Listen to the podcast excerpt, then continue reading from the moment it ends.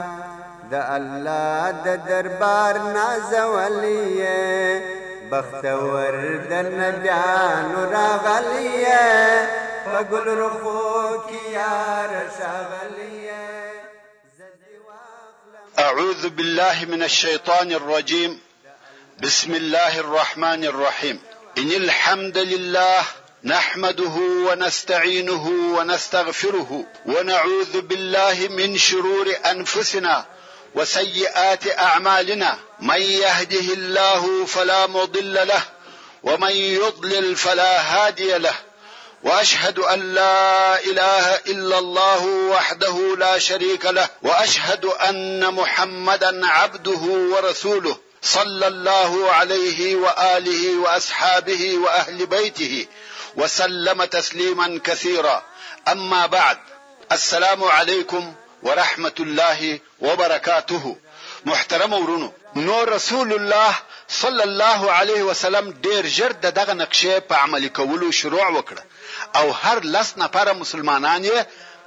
په دې سره امر کړه چې څلوېښت ذراعه خندق به کیني ورونو د دغه خندق د ځای او کیفیت لپاره مجبوره یم چې د مدینې منورې کروکي یا جغرافیایي کیفیت درته بیان کړم. دا د دې لپاره چې موږ پوه شو چې خندق څنګه او چېرې وکیندل شو او رسول الله صلی الله علیه وسلم ولې دغه ځای د خندق د کیندلو لپاره اختیار کړ او پاته یهود د مدینې منورې په کومه منطقه کې اوسېده او دغه یوه خندق څنګه ټوله مدینه منوره د دښمن څخه وساتل وروڼو! د مدینې منورې ښار په خپله په یوه عجیب شکل سره واقع وو. هغه داسې چې مدینه منوره د درو حرو په مابین کې پرته وه، حرة الواقم، حرة الوبره او بله هغه حره وه چې د مدینې منورې په جنوب کې وه.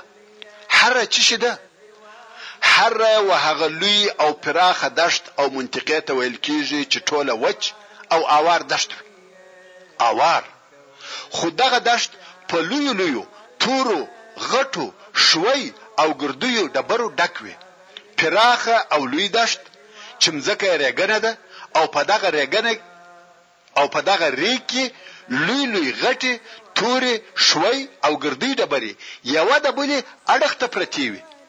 دغسې مځکې ته په عربي کې حره وايي. اوس نو په دغه حره کې پیاده او یو سړی،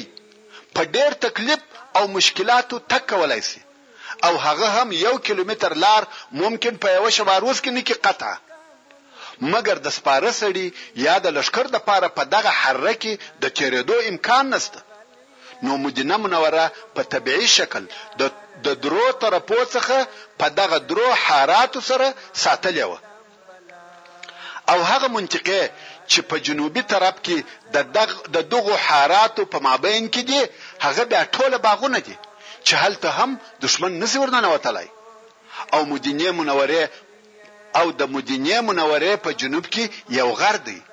چې د جبل عیر په نامه سره یادیږي اوس نو مدینه منوره طبیعتا د درو طرفو څخه وساتل شوه لکه قلا چې پر راګرځېدلې وي چې هغه درې ساتلي او محفوظ طرفه شرق، غرب او جنوب دي. په مدینه منوره کې د یهودو ځایونه چیرې دي؟ و مدینې منورې ته اول او نږدې کلی د بنې قینقاع د یهودو کورونه وه چې دغه کورونه تر نورو ټولو کلو و مدینې منورې ته هغه نږدې کلی دی او د بنې قینقاع یهود ایستل شوي دي چې قصه یې د مخه درته بیان شوه. او بل په حره جنوبیه کې د بني النضیر د یهودو کلی او کورونه دي او هغه هم لږ موده مخکې وایستل شوه چې قصه یې په تفصیل سره درته بیان شوه اوس نو د یهودو څخه فقط هغه د بني قریظه یهود پاته دي چې د هغو کورونه او قلاوې د مدینې منورې په جنوب شرق کې او د دوو حرو په مابین کې چې حره شرقیه او حره جنوبیه دي واقع دي چې په دې حساب سره و مدینې منورې ته د داخلیدو یوازنۍ لار د بني قریظه د یهودو د طرفه څخه ده چې د حره شرقي او حره جنوبي مابین دی دا خو و مدینې منورې ته یوه لار سوه او بل د مدینې منورې د شمال طرف هم خلاص دی اوس نو فقط دغه دوې لاري يا دوه ځايه دي چي ممکن د کفارو لښکر دي د دغه دوو ځايو څخه پر مسلمانانو حمله وکړي او مدينې منورې ته دي داخل سي يا د جنوب شرق څخه چي هلته د بني قريظه د يهودو کلی دی چې د دوو حرو په مابین کې واقع دی یا د شمال د طرفه د هجوم او حملې امکان شته اوس چې رسول الله صلی الله علیه وسلم د خندق د کیندلو اراده وکړه نو یې د بنی قریظه یهود راوغوښتل چې پخوا هم د مسلمانانو د طرفه د دغه یهودو سره د صلحې او همکارۍ عهد او وعده موجود وه. بیا یې هم هغه عهد نوی او تازه کړ. یهودو هم ټینګې وعدې ورکړې چې موږ ستاسې پر طرف یو او د دغه لارې ساتنه پر موږ ده. هېڅکله به کفار پرې نه ږدو چې د دغه لارې څخه دې مدینې منورې ته داخل شي. دغه د جنوب شرق د لارې ساتل زموږ وظیفه ده چې په دې عهد او پیمان سره مدینه منوره د ټولو اطرافو څخه وساتل شوه بې له شمال څخه. په شمال کې بیا د احد غر دی خو مدینې منورې او د مدینې منورې کورو ته نږدې یو بل غر دی چې جبل سلعه ورته ویل کیږي اوس نو رسول الله صلی الله علیه و علیه وسلم د مدینه منوره په شمال کې د خندق د کندلو د پاره ځای اختیار کړي چې دغه خندق د مدینه منوره شمالي طرف وساتي که څه هم هلته په حرة الوبره کې ځینې داسې ځایونه وه چې ممکن څوک تر راتېر شي، خو مسلمانانو هغه ځایونه هم په کوچنیو کوچنیو خندقو بند کړه. مګر لوی او عمومي خندق د شمال خندق وو. او رسول الله صلی الله علیه وسلم د مسلمانانو د لښکر د اړولو دپاره هم ځای خوښ او انتخاب کړ چې هغه ځای د خندق او جبل سلعه په مابین کې و چې دا ځای هم د مدینې منورې په شمال کې واقع دی. اوس نو د مدینې منورې څخه نیولی بیا د احد تر غره پورې خندق کیندل کیږي. او جبل سلعه هم د مدینې منورې او د خندق په داخل کې راغلی. رسول الله صلی الله علیه وسلم د خپل لښکر لپاره داسې ځای خیمې ودرولې چې خندق د دوی و شمال ته شو او جبل سلعه د مسلمانانو د لښکر و شاته شو. اوس نو مدینه منوره پوره وساتل شوه، هیڅ داسې لار نشته چې د هغه طرفه دې و مدینې منورې ته لښکر ورداخل شي. بیا نو د خندق په کیندلو شروع وشوه. دا خو معلومه او ښکاره خبره ده چې خندق ډېر اوږد دی او ډېره مسافه نیسي، نو خود کیندل یې اسانه کار نه دی. رسول الله صلی الله علیه وسلم مسلمانان سره تقسیم کړه او د هرو لسو نفرو دپاره یې یو مشر وټاکی او هرو لسو نفرو ته یې څلوېښت ذراع مځکه د کیندلو دپاره ورکړه. صحیح او منظم تقسیمات وسوه، د هرې ډلې د پاره د کیندلو ځای او اندازه معین کړه سوه. اوس خو تاسې ته د خندق اوږدوالی در معلوم سو چې د مدینې منورې شمالي طرف یې ټول نیولی وو، مګر عمق یا د خندق ژوروالی څونه وو؟ خندق په دونه اندازه ژور وو، که یو څوک و دغه خندق ته ور ولوېږي، بیا نو د هغه څخه را پورته کېدل یا را ختل سخت او مشکل وه. په اساني څوک نه سوای ځینې را پورته کېدلای او د خندق عرض یا بر دونه وو چې آس نه سوای تر غورځېدلای، بې له هغه اصلي او تېزو اسانو څخه چې هغه چې هغه هر چا نه درلوده مګر عادي او معمولي آسان نو نسوای کولای چې تر واوړي دا د خندق بر او ژوروالی وو اوس نو د خندق کیندل د دغه شرایطو سره موافق شروع سوه چې دغه کار د کفارو او احزابو د راتګ دپاره د مسلمانانو تیاري او آمادګي وه صحابه کرامو د خندق په کیندلو شروع وکړه مسلمانان مريان او نوکران نه لري چې د دوی سره په دغه کار کې کومک وکړي حتی رسول الله صلی الله علیه وسلم هغه اکمل البشر په دغه کیندلو کې حصه ورسره اخیسته امام بخاری د سهل ابن سعد رضی الله تعالی عنه څخه روایت کوي چې وایي موږ د خندق په کیندلو کې د رسول الله صلی الله علیه وسلم سره ملګری وو نورو به کیندل کول او موږ به پر خپل اوجو خاورې چلولې او دا معلومه خبره ده چې د وچې او کلکې ډبرینې مځکې کیندل اسانه کار نه دی، انسان ستړی کوي، نو به صحابه کرامو خپل فکرونه او ځانونه په ځینو اشعارو مشغولول، اشعار به ویل او کار به کاوه، امام بخاري رحمه الله روایت کوي، صحابه کرامو چې د خندق په کیندلو کې اول شعر ووایه، هغه لره یوه قصه شته، هغه داسې چې په دغه وخت کې یو سړی راغلی او نوی مسلمان شو، رسول الله صلی الله علیه وسلم پوښتنه ځینې وکړه چې نوم دې چشي دی؟ ده ویل جعل یا جعیل، جعل و هغه تورې خزدکې ته ویل کیږي چې مرغټانې جوړوي، معلومه خبره ده چې دا ډیر بد نوم دی، د رسول الله صلی الله علیه وسلم دغه نوم نسو خوښ نو یوه سړي ته وویل چې د نن ورځې څخه ستا نوم عمر دی هغه نوم دې پرېږده او عمر دې نوم کښېږده سړي ویل هو زه عمر یم مسلمانانو د دغه واقعې څخه شعر جوړ کړي چې هغه داسې وو سماه من بعد جعیل عمرا وکان للبائس یوما ظهرا صحابه کرامو به د کار په وخت کې دغه شعر وایه او هغه شعر به هم وایه کوم چې د مسجد نبوي او مسجد قباء د جوړولو په وخت کې یې وایه چې هغه داسې وو اللهم ان العيش عيش الاخره فاغفر للانصار والمهاجره امام بخاري د انس رضی الله تعالی عنه څخه روایت کوي چې رسول الله صلی الله علیه وسلم وخندق ته ور ووت، ویلي ده چې مهاجرین او انصار په یوه یخ سهار کې خندق کیني، دوی مریان او نوکران نه درلوده، چې دغه کار وکړي، رسول الله صلی الله علیه وسلم چې د دوی دغه ستړیا، یخ او لوږه ولیده نو یې وویل، اللهم ان عیش ان العیش عیش الاخره فاغفر للانصار والمهاجره، یعنې په تحقیق سره ژوند، د آخرت ژوند دی نو الهی ته و انصارو او مهاجرینو ته عفو وکړې صحابه کرامو د ده علیه الصلوة والسلام په جواب کې وویل نحن الذین بایعو محمدا علی الجهاد ما بقینا ابدا موږ هغه کسان یو چې د محمد صلی الله علیه وسلم سره مو تر څو چې موږ ژوندي یو پر جهاد بیعت کړی دی او عبد الله ابن رواحه رضی الله تعالی عنه چې ش شاعر وو دغه بیتونه جوړ کړ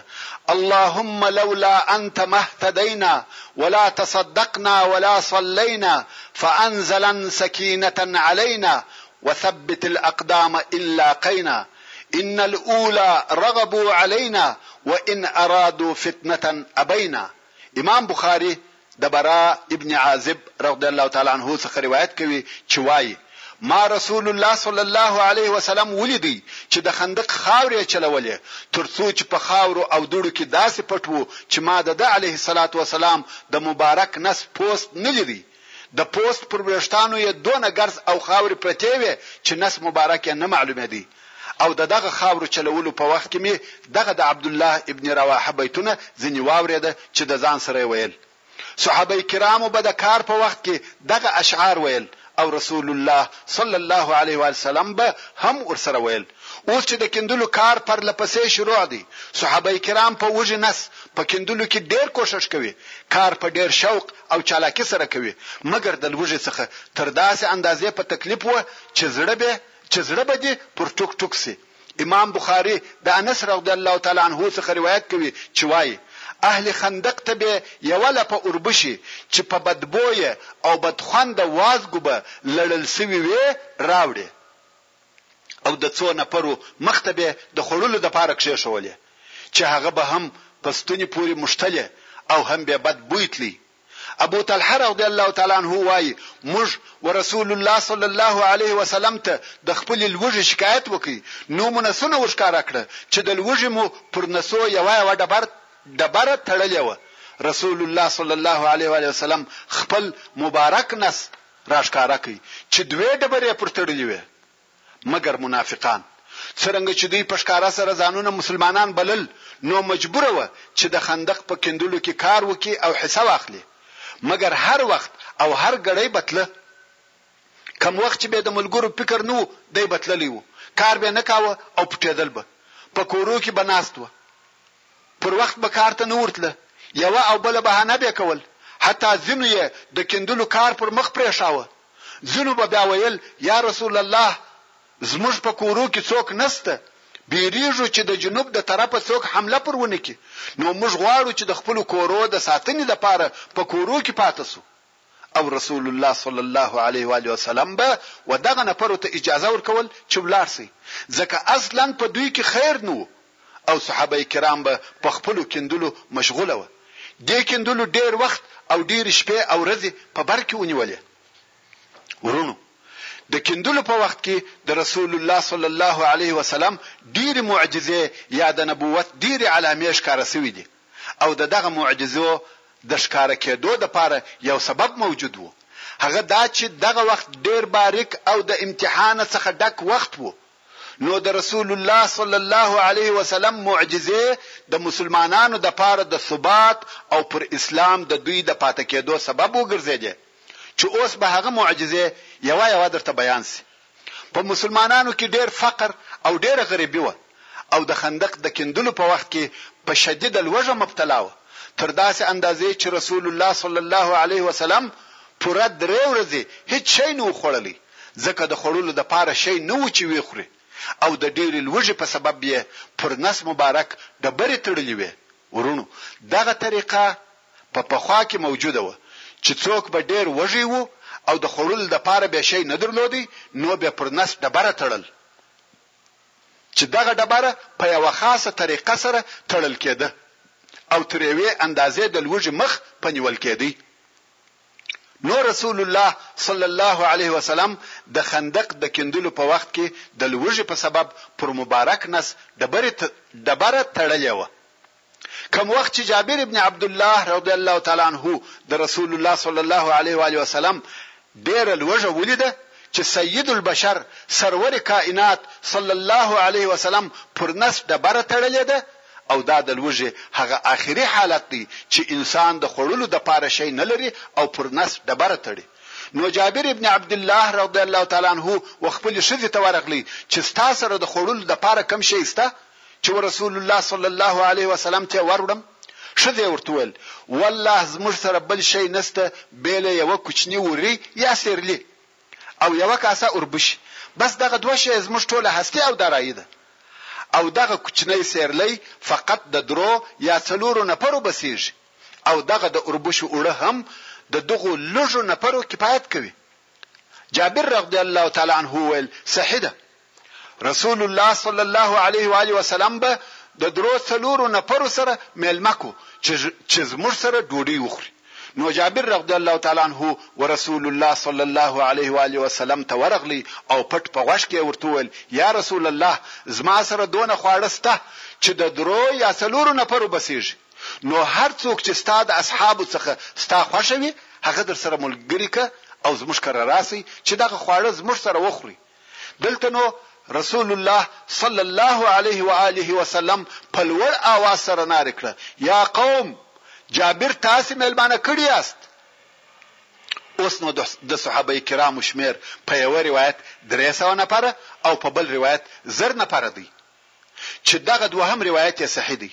او هلته یو سېرلی پخېږي، جابر رضی الله تعالی عنه وارخطا شو. رسول الله صلی الله علیه وسلم یې پرېښاوه او دی په تلوار مخ پر کور رهي شو. کور ته ورغلی، ویل، ویل ښځې، کار خراب شو او رسوا شوم. ښځې ویل، خیر، څه پېښه ده؟ جابر رضی الله تعالی عنه وویل، زر نفره را رهي دي. ښځې ویل، تا رسول الله صلی الله علیه وسلم ته وویل چې فقط درې څلور نفره درسره راوله؟ جابر رضی الله تعالی عنه وویل، هو، ما ورته وویل، بیا ښځې ویل، تا و رسول الله صلی الله علیه وسلم ته وویل چې موږ په کور کې د خوړلو د پاره څه شي لرو؟ ویل، هو، ما ورته وویل. ښځې ویل، الله او رسول الله ښه پوهېږي. وروڼو! تاسې د دغه مسلمانې ښځې و یقین او اطمینان ته وګورئ، هېڅ نه شوه وارخطا، ویل، الله او رسول الله ښه پوهېږي. او د بلې خوا رسول الله صلی الله علیه وسلم په زرو یا درو سوو نفرو کې ږغ کوي چې یا قوم! جابر تاسې مېلمانه کړي یاست. حال دا چې رسول الله صلی الله علیه وسلم ته وویل سوي دي چې فقط درې یا څلور نفره درسره راوله. رسول الله صلی الله علیه وسلم پوهېدی چې زه څه کوم. کوم وخت چې رسول الله صلی الله علیه وسلم د اصحاب کرامو سره د جابر رضی الله تعالی عنه کور ته ورغلی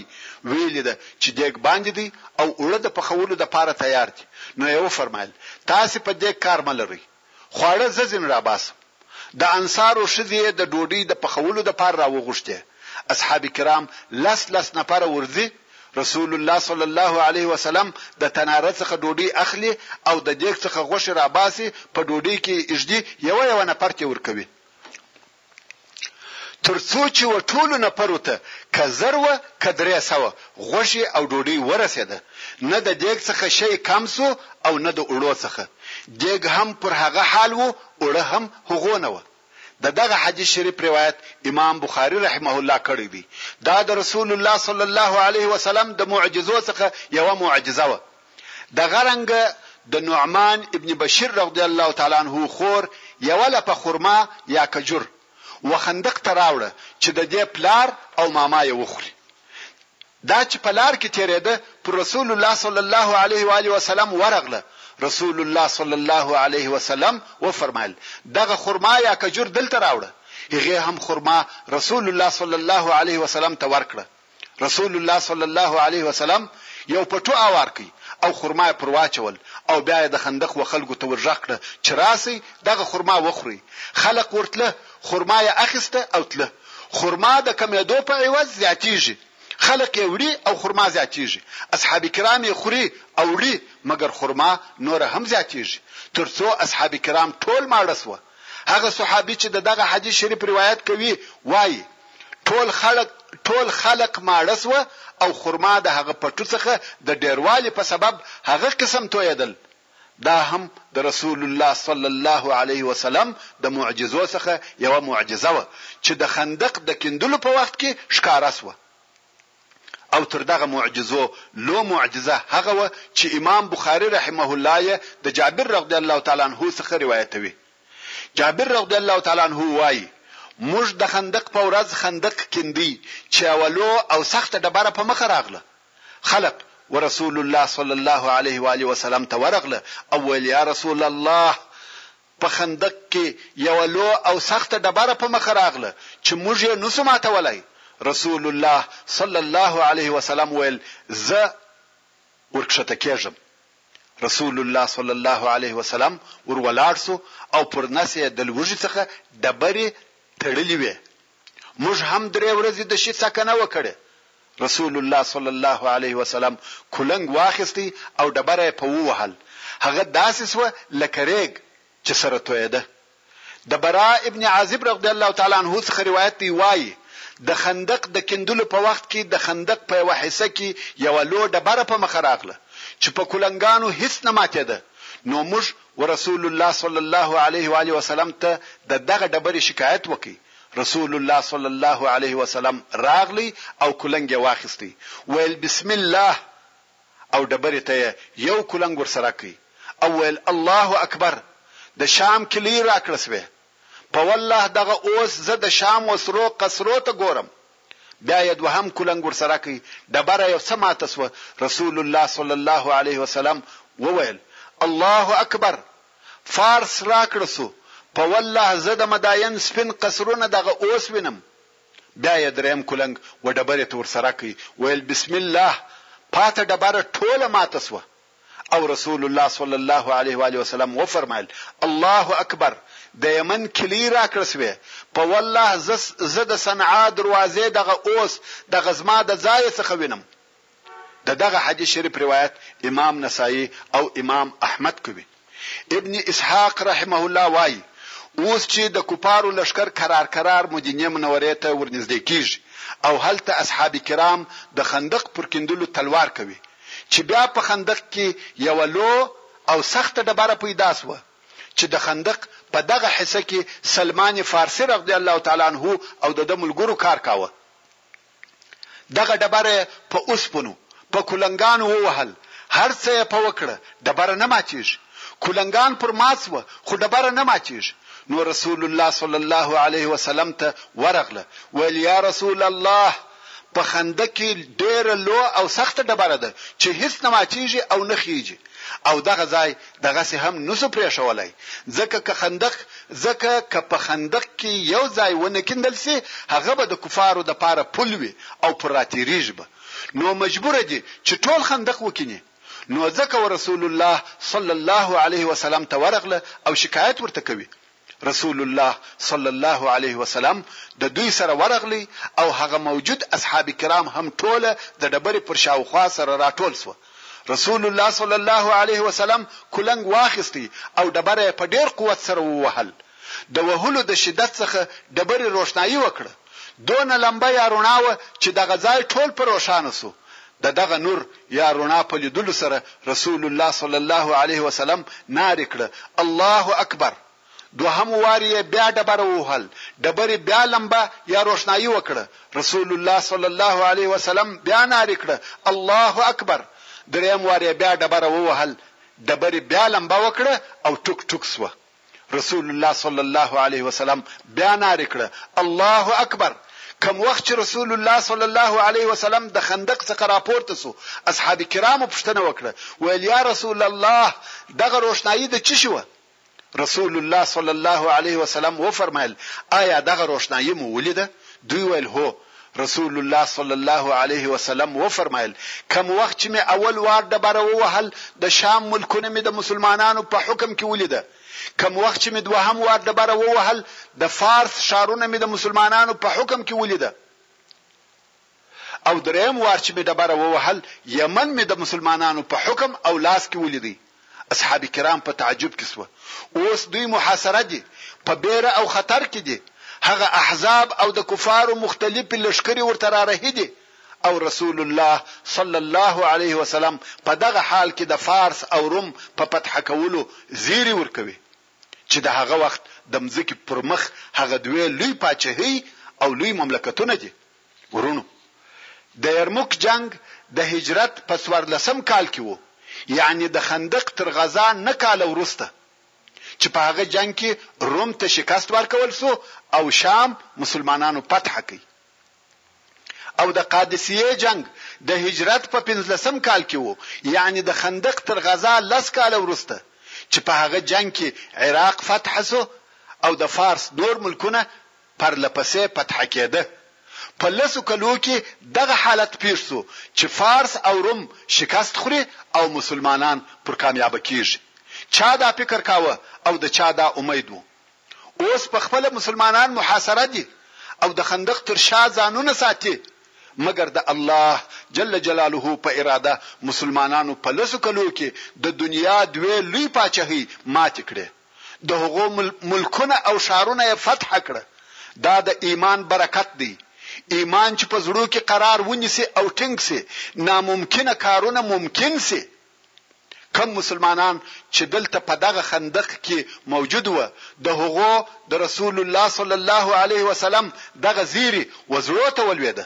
او ويې منل، مګر کوم منافقان چې موجود وه، هغو به په خپل مابين کې سره خندل او ويل به يې. چې دا والله عجبه خبره ده اوس په موږ کې داسې څوک نشته چې خپل انساني ضرورت ته دې په فارغه زړه سره ولاړ شي بیریږي او د بیرې څخه د خپل حاجت لپاره نشي تلای او دی یعنی رسول الله صلی الله علیه وسلم د روم او فارس د فتح کولو زیری راکوي. نو به دغه منافقانو یو د بل سره ویل،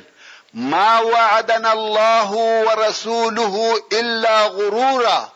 دا غرور دی، دی په خپله محاصره دی او مغرور دی، ګمان کوي چې دی به پر ټوله دنیا مسلط شي. الله عزوجل د دغه منافقانو خبرې په هغه آیات شریف سره ور رد کړې چې لږ وروسته به تلاوت شي.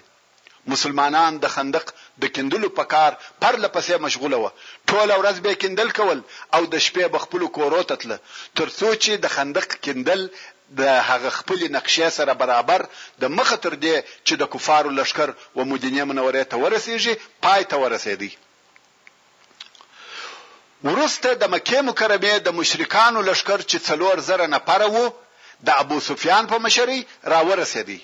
او د مدینې منورې د شمال غرب په طرف کې یې په یوه ځای کې واړول چې مجمع الاسیال ورته ویل کېده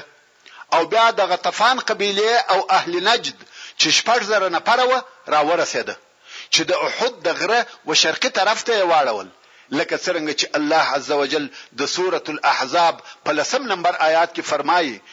اذ جاؤکم من فوقکم ومن اسفل منکم يعني کوم وخت چې تاسې ته د کفارو لښکرې د لوړه او کښته طرفه راغلې د کفارو لښکرې خو دادې راورسېدې د مسلمانانو و دوو طرفو ته يې واړول نو څه پېښه شوه؟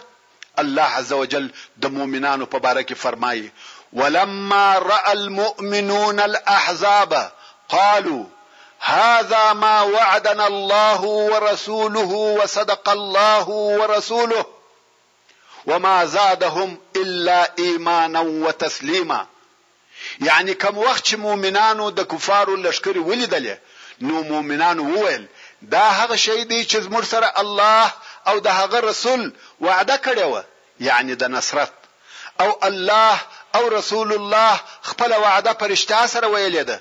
نو دغه د کفارو د لښکرو راتګ و مؤمنانو ته بل شی نه کوي ورزیات مګر ایمان او و الله جل جلاله ته تسلیمېده.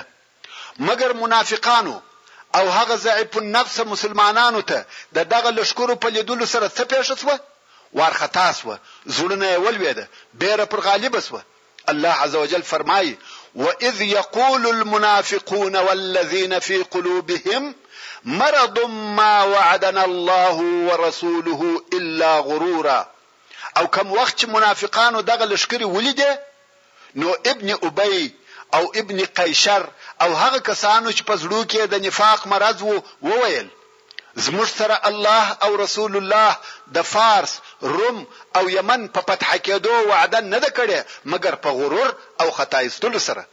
حضرت شاه صاحب وايي، اوس هم مسلمانانو ته نه ښايي چې د ناامیدۍ په وخت کې،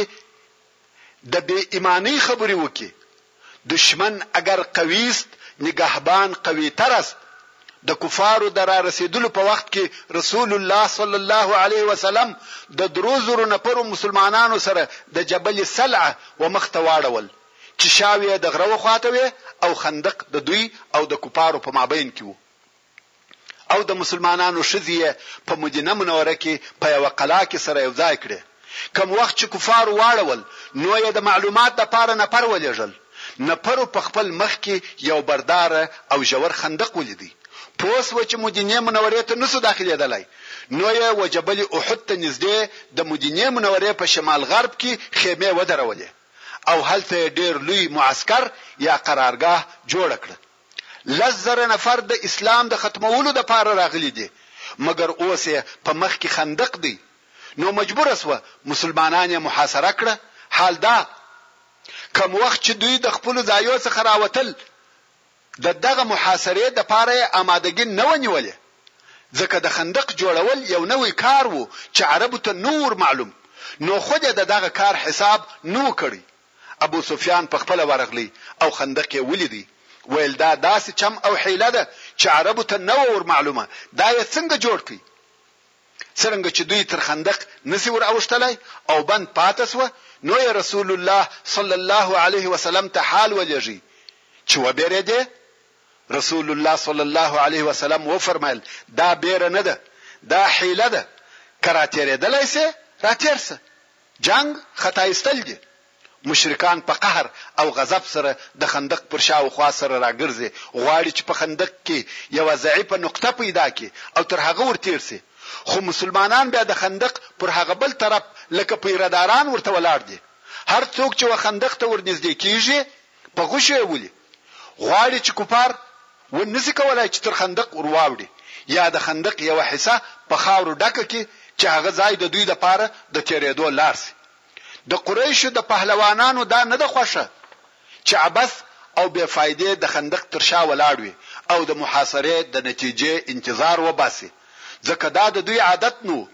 نو یوه ورځ د مشرکانو د پهلوانانو څخه یوې ډلې وویل چې خامخا باید تر دغه خندق ور واوړو، د دغه مقصد د پاره د خندق پر شاوخوا ګرځي چې په خندق کې یې هغه کمبره ځای پیدا کړي او پنځه نفره د کفارو پهلوانان چې اصل اسان یې درلوده تر خندق ور واوښته دغه پنځه نفره عمرو بن ود عکرمه ابن ابی جهل، ضرار ابن الخطاب، حبیر ابن وهب، نوفل ابن عبدالله وه. دغه پنځه نفره د مشرکانو پهلوانان تر خندق ور واوښته او د مسلمانانو مخ ته ودرېده ویل څوک مبارزه کوي؟ د کفارو د پهلوانانو څخه اول نفر چې په میدان کې ودرېدی هغه عمرو ابن ود وو. د عمر ابن ود په باره کې ویل کیږي چې دی د جاهلیت هغه لوی او مشهور پهلوان و. خل، خلق یې د نامه څخه بیریده، جنګ چیري و، بلکې د نامه څخه یې بیریده او ویل کیږي چې د ده عمر په دغه وخت کې اتیا کاله و. مګر بدني قوت او طاقت یې ټول پر ځای و او ډیر قوي و. د دې لپاره چې د ده په قوت پوه شو، کوم وخت چې دی په میدان جنګ کې ودرېد او ویل څوک پهلواني کوي؟ څرنګه چې دی په زغره پټ و، نو خود مسلمانانو نه پېژند، ویل ته څوک یې؟ ده ویل زه عمرو ابن ود یم. هیڅوک نه ور ووته، ټول مسلمانان وبېرېده، حتی د مسلمانانو پهلوانان هم وبېرېده. رسول الله صلی الله علیه وسلم وفرمایل، وده ته څوک ور وځي؟ علی ابن ابی طالب رغدی الله تعالی عنه وویل، زه وروځم، یا رسول الله! رسول الله صلی الله علیه وسلم وفرمایل، ته کښېنه یا علی! ځکه علی رغدی الله تعالی عنه تر اوسه کم سنه یا د لږ عمر ځوان و، په دغه وخت کې یې عمر څلېرویشت یا پنځه ویشت کاله و، د جنګ ډېره تجربه یې نه درلوده، خاصتاً د دغسې چا په مقابل کې چې عمر یې ټول په جنګو کې تېر شوی وي او ډېرې تجربې یې درلودې. نو رسول الله صلی الله علیه وسلم فکر کاوه چې داسې یو څوک به ورووځي چې هغه هم په جنګ کې تجربه ولري. مګر ټول د عمرو بن ود څخه وبېرېده، چا غږ ونه کړ. رسول الله صلی الله علیه وسلم دوهم وار بیا وویل، څوک و ده ته وروځي؟ بیا هم څوک نه ورووتی. او علی رضی الله تعالی عنه وویل، ځه یا رسول الله! رسول الله صلی الله علیه وسلم وفرمایل، کښېنه یا علی! علی رضی الله تعالی عنه هم کښېنست. درېیم وار بیا رسول الله صلی الله علیه وسلم وفرمایل، و ده ته څوک ور وځي؟ علی رضی الله تعالی عنه وویل، ځه یا رسول الله! او بل هیچا غږ ونه کړ.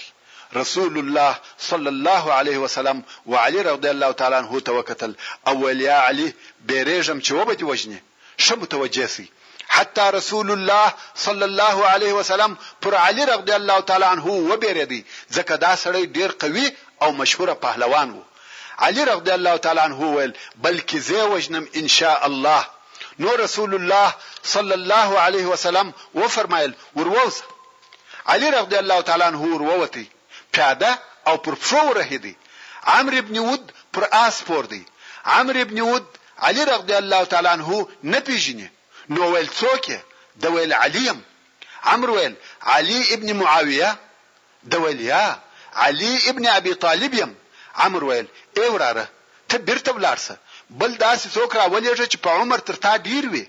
داسې څوک راوباسه چې په جنګ پوهېږي، ته یو کوچنی ځوان یې، جنګ نه شې کولای. علي کرم الله وجهه ورته وویل، ما ستا په باره کې اورېدلي دي چې یو څوک تا ویوه ته د دوو کارو وبولي، ته د هغه دوو څخه یو اختیاروې، یعنې یو د هغو دوو کارو څخه خامخا کوې. عمرو ویل، هو، دا صحیح ده نو علی رغدی الله تعالی عنه وویل، زه هم اوس تا ویوه ته د دغه دوو کارو رابولم، عمرو ویل، وایه، علی رغدی الله تعالی عنه وویل، اول کار دا دی چې زه دې و اسلام ته رابولم، مسلمان سه او شاهدي ادا که چې لا اله الا الله وان محمدا رسول الله سبحان الله وروڼو تاسو متوجه یاست دا د حضرت علی رضی الله تعالی عنه زکاوت او ایمان دی په دغه ځای کې هم و اسلام او حق لارې ته بلنه او دعوت نه کړه هیر عمرو ابن ود ویل دې کار ته ضرورت نه لرم دا نه غواړم دوهم دی وایه علی رضی الله تعالی عنه ویل دوهم نو جنګ دی جنګ به راسره کوې؟ عمرو په تعجب کې شو، ویل، والله ما دا فکر نه کاوه چې زه دې ژوندی یم او ما دې څوک و جنګ ته ور وبولي. زما په ژوند دا اول وار دی چې یو څوک زما څخه غواړي چې جنګ ورسره وکړم. رښتیا هم خلق د ده څخه تښتېده، چې د ده نوم بې واورېدی و به تښتېده، مګر اوس دغه ځوان هلک ورته وایي چې جنګ راسره وکړه. دلته نو عمر د ډېره تعجبه او ډېره قهره د آسه څخه کښته شو او آس یې په توره وواهه، دا ولې؟ دا ځکه چې علي رضی الله تعالی عنه پیاده او پر پښو و، نو عمر دا عیب بلی چې زه پر آس یم او دی پیاده وي او جنګ ورسره کوم، نو یې غوښته چې دی هم علي غوندې پیاده وي، دا د عمر غرور او تکبر و، اوس نو د دوی په مابین کې جنګ شروع شو، هلته دواړه لښکر ورته ګوري چې اوس څه پېښېږي؟ د دوو قوي پهلوانانو په مابین کې لوی او قوي جنګ شروع دی او دواړه پیاده دي. عمرو بن ود توره پورته کړه او د علي رضی الله تعالی عنه پر سر یې په ډېر قوت واری وکړ. د دې واری دونه قوت و، کوم چې د علي رضی الله تعالی عنه څخه هغه سپر ورڅخه و، هغه یې د دغه واری و مخته ونیو. د واری د ډېر قوت څخه تورې هغه سپر مات او پرې کړ. توره د علي رضی الله تعالی عنه پر اوږه وموښته او هغه زغره چې علي رضی الله تعالی عنه اغوستې وه هغه هم پرې شوه مګر د علي رضی الله تعالی عنه اوږه زخمي نه شوه اوس نو ته فکر وکړه چې دا ضربه په څونه قوت او زور سره وه د اوسپنې دوه شیه پرې کړه یو سپر او بل زغره، د علی رضی الله تعالی عنه سپر مات شو او اوس بې سپره جنګ کوي، پر عمرو بن ود شا و خوا راګرځي او د وهلو د پاره لار پیدا کوي، د دوی حرکتونه تیز شوه، شا او مخ ته کیږي، د دغه حرکتو څخه دوړه پیدا شوه او دوړه نوره هم زیاتیده، تر داسې اندازې چې دوی دواړه په دغه دوړه کې پټ شوه، دوی په دوړک کې په جنګ مشغوله دي او څوک یې نه ویني، د ننه په دوړک کې جنګ روان دی، دواړه لښکره په حال نه دي خبر چې هلته څه کارونه کیږي، دغه په دوړو پټ جنګ یو ساعت دوام وکړ، څوک یې نه ویني، دوړې دي او دوی په جنګ کې اخته دي، هغه څوک چې په دغه ځای کې حاضر وو هغه وایي، والله ما په ټوله ژوند کې داسې جنګ نه و لیدلی، دغسې شدید، تیز، چالاک او د حرکتو ډک جنګ او خلق هم نه پوهیږي چې څه به پیښ شي او نشي کولای چې د جنګ حالات پوره وویني ځکه دوړي دي چې یو وار د دوړو د مابین څخه یوه لو ناره واوریدل شوه چې ویل الله اکبر او دلته رسول الله صلی الله علیه وآله وسلم نارې کړه الله اکبر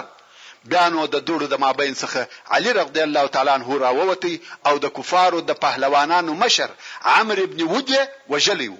هغه عمر چې خلق یې د نامه څخه بېرېده ووژل شو. هغه څلورو نورو پهلوانانو چې عمر ولید چې ووژل شو وبېرېده. مخ پر خندق په ځغستا شو او غواړي چې تر خندق بیرته واوړي. په دونه وارخطایي سره ځغلي چې د عکرمه ابن ابي جهل څخه خپله نیزه دالته پاته شوه. درې نفره یې تر خندق واوښته چې د بله طرفه څخه د مسلمانانو مشهور فارس او پهلوان زبیر ابن العوام رغدی الله تعالی عنه راورسېدی او پر نوفل ابن عبدالله ابن معاویه یې حمله وکړه چې دی هم د کفارو د مشرانو څخه یو مشر و زبیر رغدی الله تعالی عنه توره پورته کړه په دونه زور او قوت یې دغه نوفل وواهه چې نوفل یې پر مابین دوه ځایه کړ نوفل دوې حصې سو نیم یې د آس یوه طرف ته او بل نیم یې د آس و بل طرف ته ولوېدی په بخاری شریف کې حدیث دی چې عبدالله ابن زبیر رضی الله تعالی عنه وایې ما زما پلار ولیدی چې نوفل ابن معاویه یې پر مابین دوه ځایه کړ دا د عبدالله د سترګو لیدل شوی حالت دی اوس چې د کفارو دوه پهلوانان په دغه ډول سره ووژل شوه کفار ډیر وبېرېده او دا فیصله یې وکړه چې بیا به څوک د مبارزې لپاره تر خندق نه ور اوړي او بیا کفارو ورسول الله صلی الله علیه وسلم ته حال ولېږی چی د عمرو بن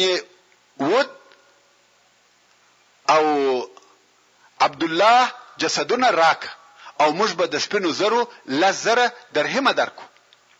دا په کفارو کی د دغه دوو نفرو مقام وو چې د دوی مړه بدنونه یې د ښخولو لپاره په لس زره درهمه غوښته، مګر رسول الله صلی الله علیه و آله وسلم وفرمایل، موږ د مړو قیمت نه خورو او ویې فرمایل، دغه مړي و خندق ته ور واچوئ او کفارو ته اجازه ورکړه چې خپل مړي مو واخلي. دا د هغه دوو وژل شوو پهلوانانو د جسد آخري حالت وو. پر خندق او مسلمانانو د کفارو محاصره ډېره ټینګه او شدیده ده. کفار د هره طرفه کوښښ کوي چې تر خندق ور واوړي. یوه ورځ د ورځو کفارو عزم وکړ چې په هر قیمت سره چې وي باید تر خندق ور واوړو او یا لار پکښې جوړه کړو. نو ویل پر ټوله خندق به د هره طرفه شدیدې حملې کوو. کفارو د خندق پر هر ځای حملې شروع کړې. او دلته مسلمانانو د سپرو یوه ټولۍ جوړه کړه چې د خندق پر هر ځای زور ورشي، کوم چې کفار غواړي چې هلته ور واوړي، دغه ټولۍ هغه ځای ته ځان ور رسوي او کفار منع کوي. د دغه ټولۍ مشرتوب په خپله د رسول الله صلی الله علیه و آله وسلم پر غاړه وو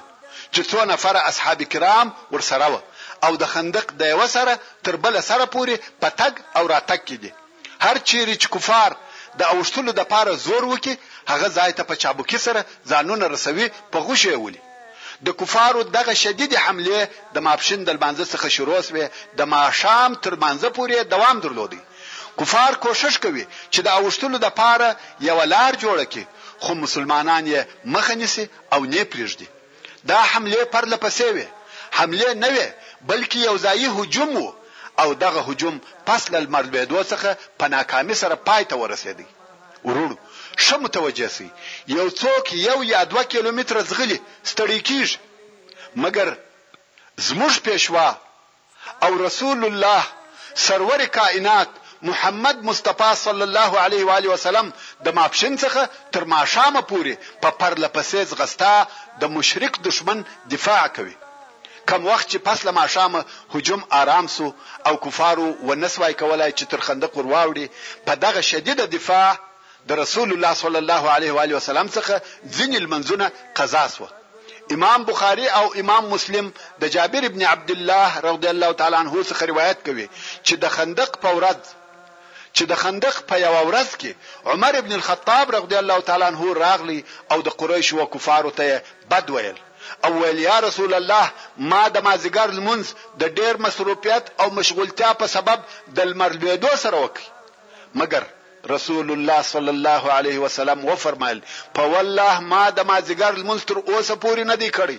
وروڼو! دا څونه مشغولتیا ده، لمونځ فقط پنځه دقیقې وخت غواړي، مګر رسول الله صلی الله علیه وسلم دغه پنځه دقیقې وخت او فرصت هم نه کوي پیدا،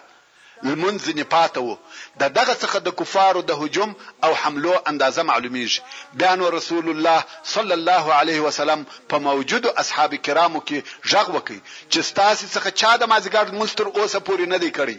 ډېر نفر پیدا شوه چې تر دغه وخته یې د مازیګر لمونځ نه وو ادا کړی، اوس ماښام وو، د مازیګر لمونځ د ډېرې مشغولتیا په سبب قضا شوی وو. محترمو وروڼو! زموږ پاته بحث به پراتلون کې واوري ان شاء الله تعالى وما توفيقي الا بالله وهو السميع العليم وصلى الله تعالى على خير خلقه محمد واله واصحابه واهل بيته اجمعين والسلام عليكم ورحمه الله وبركاته